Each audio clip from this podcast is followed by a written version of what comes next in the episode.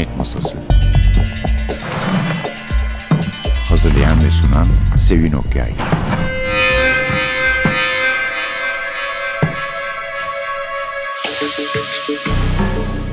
Merhaba. NTV Radyo'nun Cinayet Masası programına hoş geldiniz. Efendim bu hafta bir Philip Kerr kitabımız var. Gerçi çok Kerr programı yaptık ama bu son kitabı öyle bir ayrıcalığı, öyle bir değeri var. Prusya Mavisi kitabın adı Prussian Blue ve elbette Bernie Günther kahramanı kitabımızın Berlinli cinayet masası dedektifi, sonra özel dedektif, aynı zamanda Nazilere karşı konuşabilen, eleştiri sunabilen tek kişi bizim bildiğimiz. Yani bunları yapıp da sağ kalabilen tek kişi. Çok sevilen bir kahraman. Bernie Günter. Mesela ondan sonra futbol çok seven ve çok sıkı bir Arsenal taraftarı olan Philip Kerr. Scott Manson diye bir hoca menajerle bir yeni dizi yaptıydı. O dizi futbolla ilgiliydi. Yani birincisinde kulübün menajeri sahada öldürülüyordu. Ondan sonra da Tanrı'nın eli gibi futbol bilen herkese aşina gelen isimlerle üç kitap olarak devam etmişti. Bu fakat sanmıyorum ki hiçbir zaman Bernie kadar hayranı olsun, Bernie kadar sevilsin. Prusya Mavisi'nin şöyle bir özelliği var. Bir önceki kitapta Sessizliğin Öte yakasında hatırlarsanız saklanıyordu Riviera'daki bir otelde ve Somerset Maugham'ı evinde görevliydi. Sık sık Somerset Maugham'ın villasına gidiyordu. Onunla konuşuyordu. Bu sefer iki ayrı dönemde, iki ayrı dönemde kendisini görevlerini yerine getirirken görüyoruz. Bunlar da 1939 ve 1956. 1939'un Nisan'ında Hitler'in doğum gününden bir hafta önce bir hafta süreyle bir katili bulma mecburiyetinde olarak karşımıza çıkıyor. Şimdi ise arkadaşımız Suat Çalkevik her zaman olduğu gibi bize kitaptan bir bölüm okuyacak.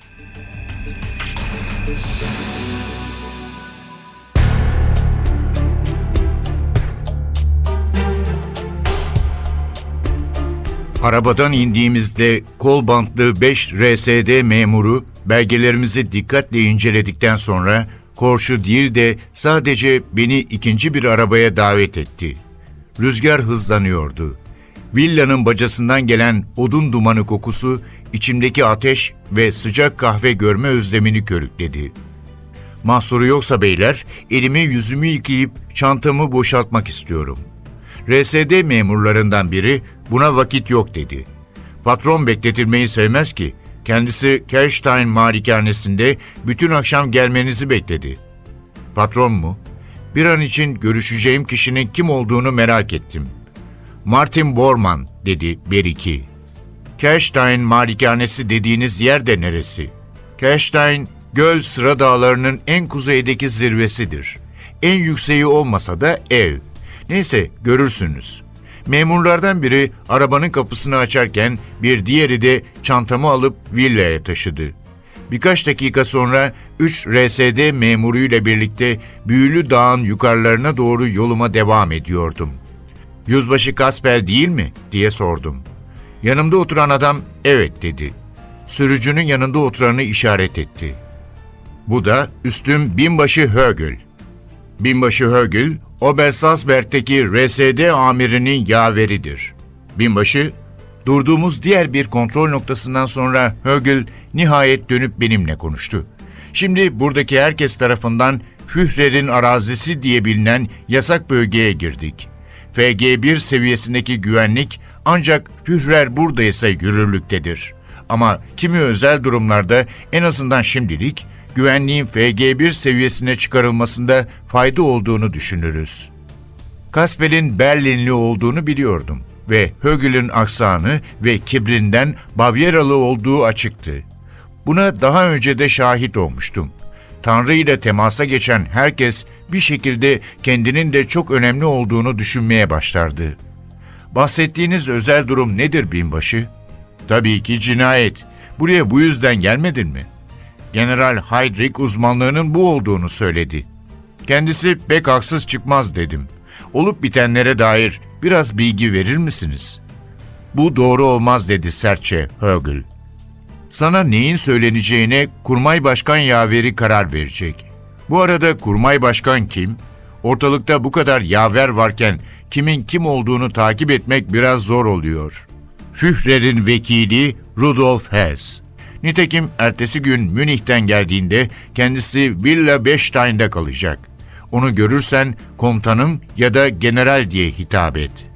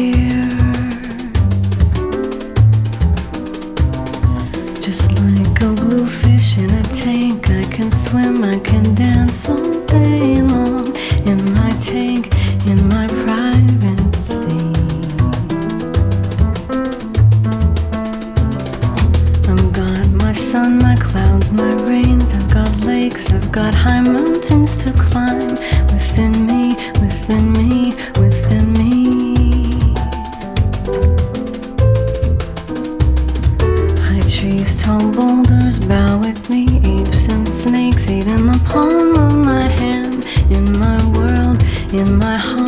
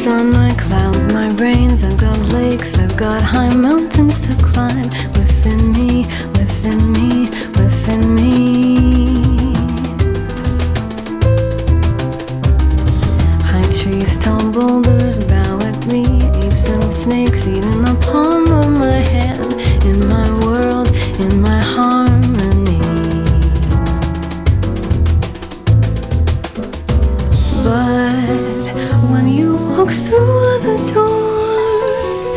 My sun, my clouds, my baby.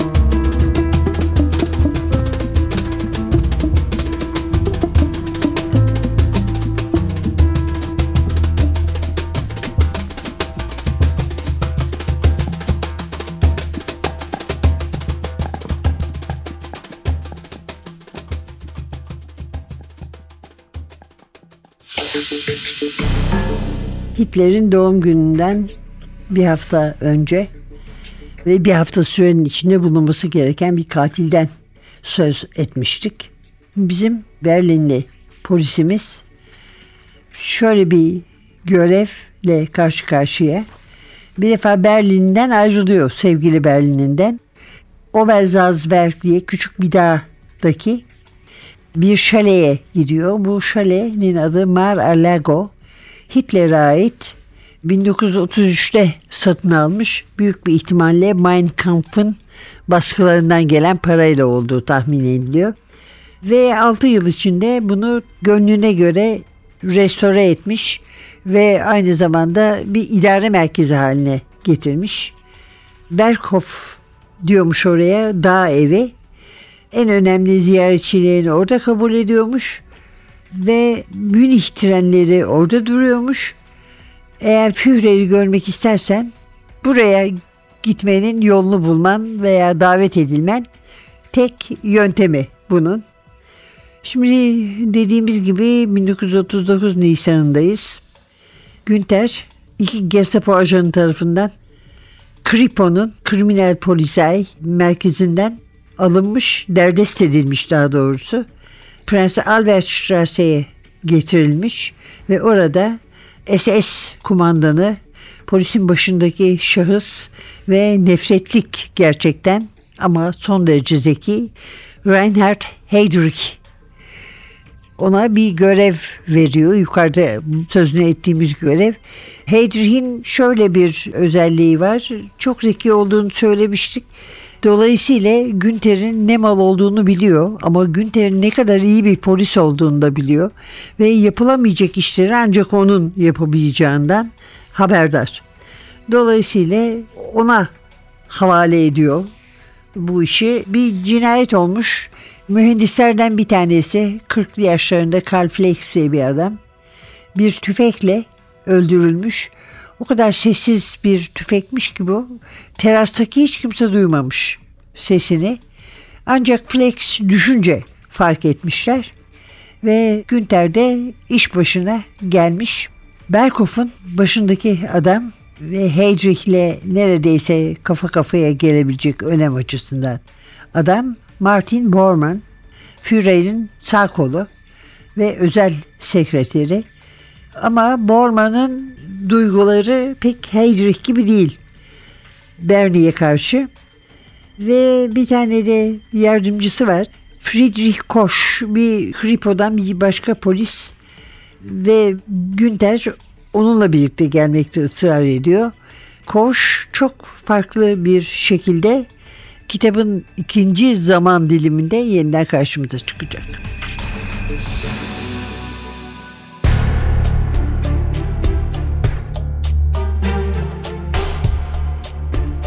Rudolf Hess'in hışmına uğrayacak biri varsa o ben olmalıydım. Sonuçta balyozu alıp merdivenlerden çıktım. Hitler'in kıymetli misafir evinde yol açacağım tahribata şahitlik etme hevesiyle Kaspel ve Korsch da peşimden geldi.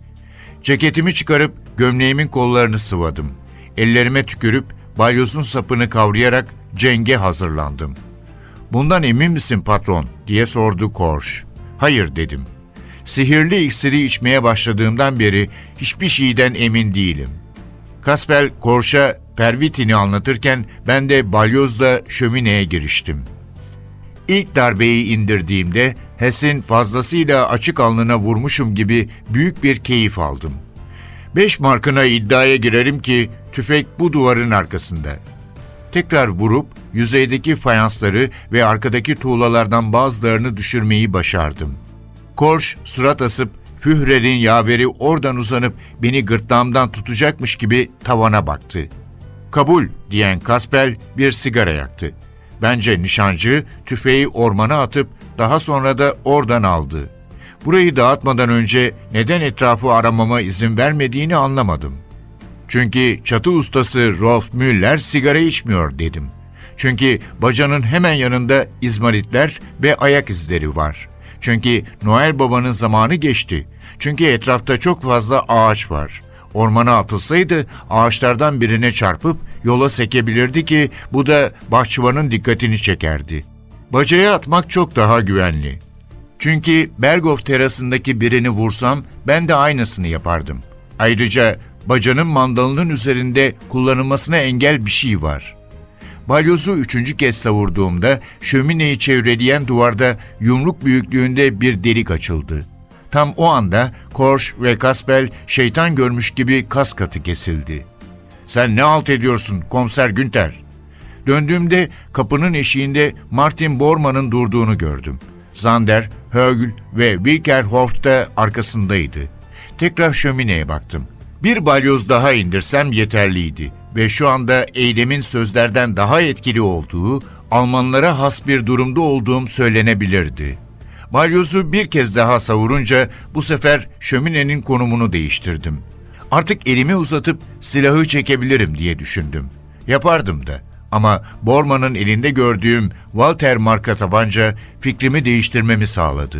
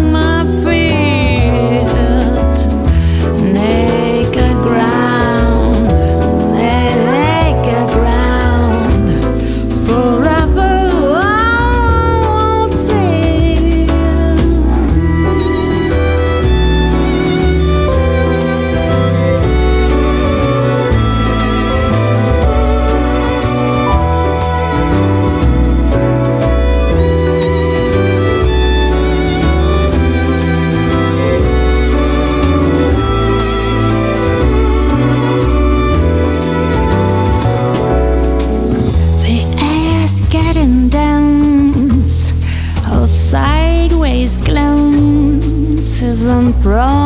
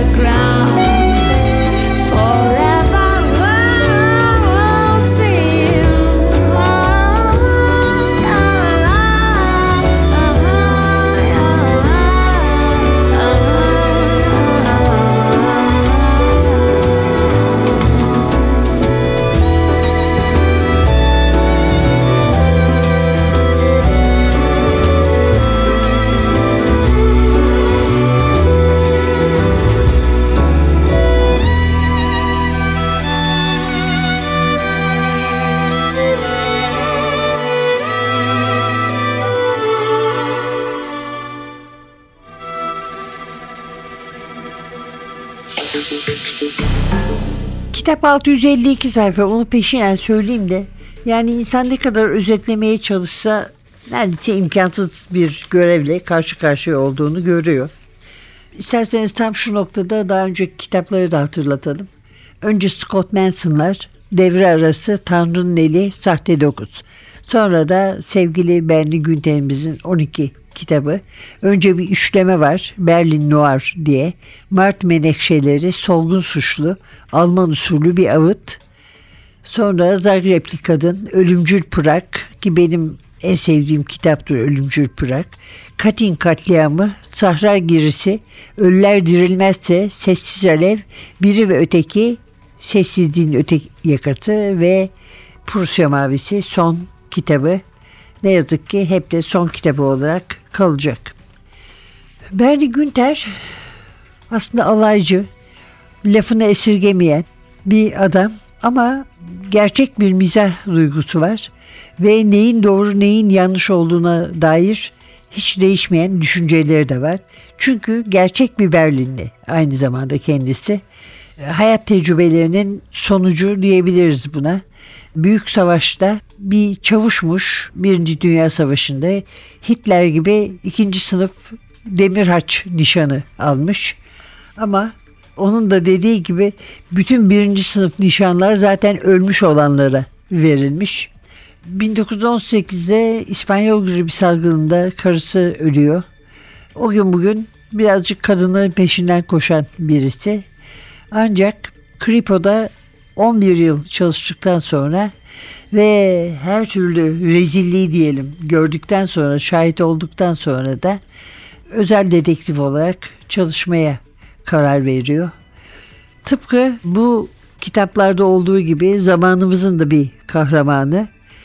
1930'larda Almanya'da başlayan 7 Günter romanı ondan sonra başka ülkelere de yer yer atlayabiliyor. Aynı zamanda söylemeye gerek yok. Cesur ve şerefli bir adam. Çünkü yapacak başka bir şey kalmayınca bu ikisi en kıymetli erdemler oluyor. Philip Kerr'in Berlin'e gelince yani hakikaten Berlin sevenler de Berlin'i tanımayanlar da en azından o dönemdeki Berlin'i yazarın kitaplarından gözlerinin önüne getirebilirler. Bir söyleşinde kendisine sizin için kitaplarınıza ideal bir mekan yapan Berlin'i özellikler nelerdir diye sorulduğunda Berlin ve St. Petersburg 20. yüzyıl tarihi boyunca merkezdeki iki şehirdir. Bolşevik devrimi Nazi hareketine yol açtı. Bu da tarihteki reformdan bu yana en önemli olaylardır bu ikisi. Sonra da Soğuk Savaş geldi. Hatırlarsanız onun da merkezinde gene Berlin vardı demiş. Evet efendim Philip Kerr'le bilmiyorum eski kitaplarından yeniden hatırladığımız olur mu? Belki hatırlama günü geldiğinde. Ama şimdilik vedalaşıyoruz. Alfa'dan çıktı kitabımız. Prusya Mavisi, Prussian Blue. Türkçe'ye çeviren sanıyorum ki hepsini de çevirmiş olan Cem Demirkan. Bugünlük de bu kadar. Mikrofonda Sevin, masada Atilla. Huzurunuzdan ayrılıyoruz ve önümüzdeki hafta iyi bir yazar ve iyi bir kitapla yeniden birlikte olma arzumuzu belirtiyoruz. Hoşçakalın.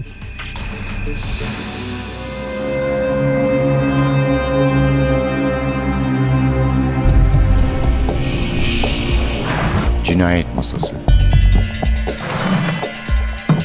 Hazırlayan ve sunan Sevin Okyay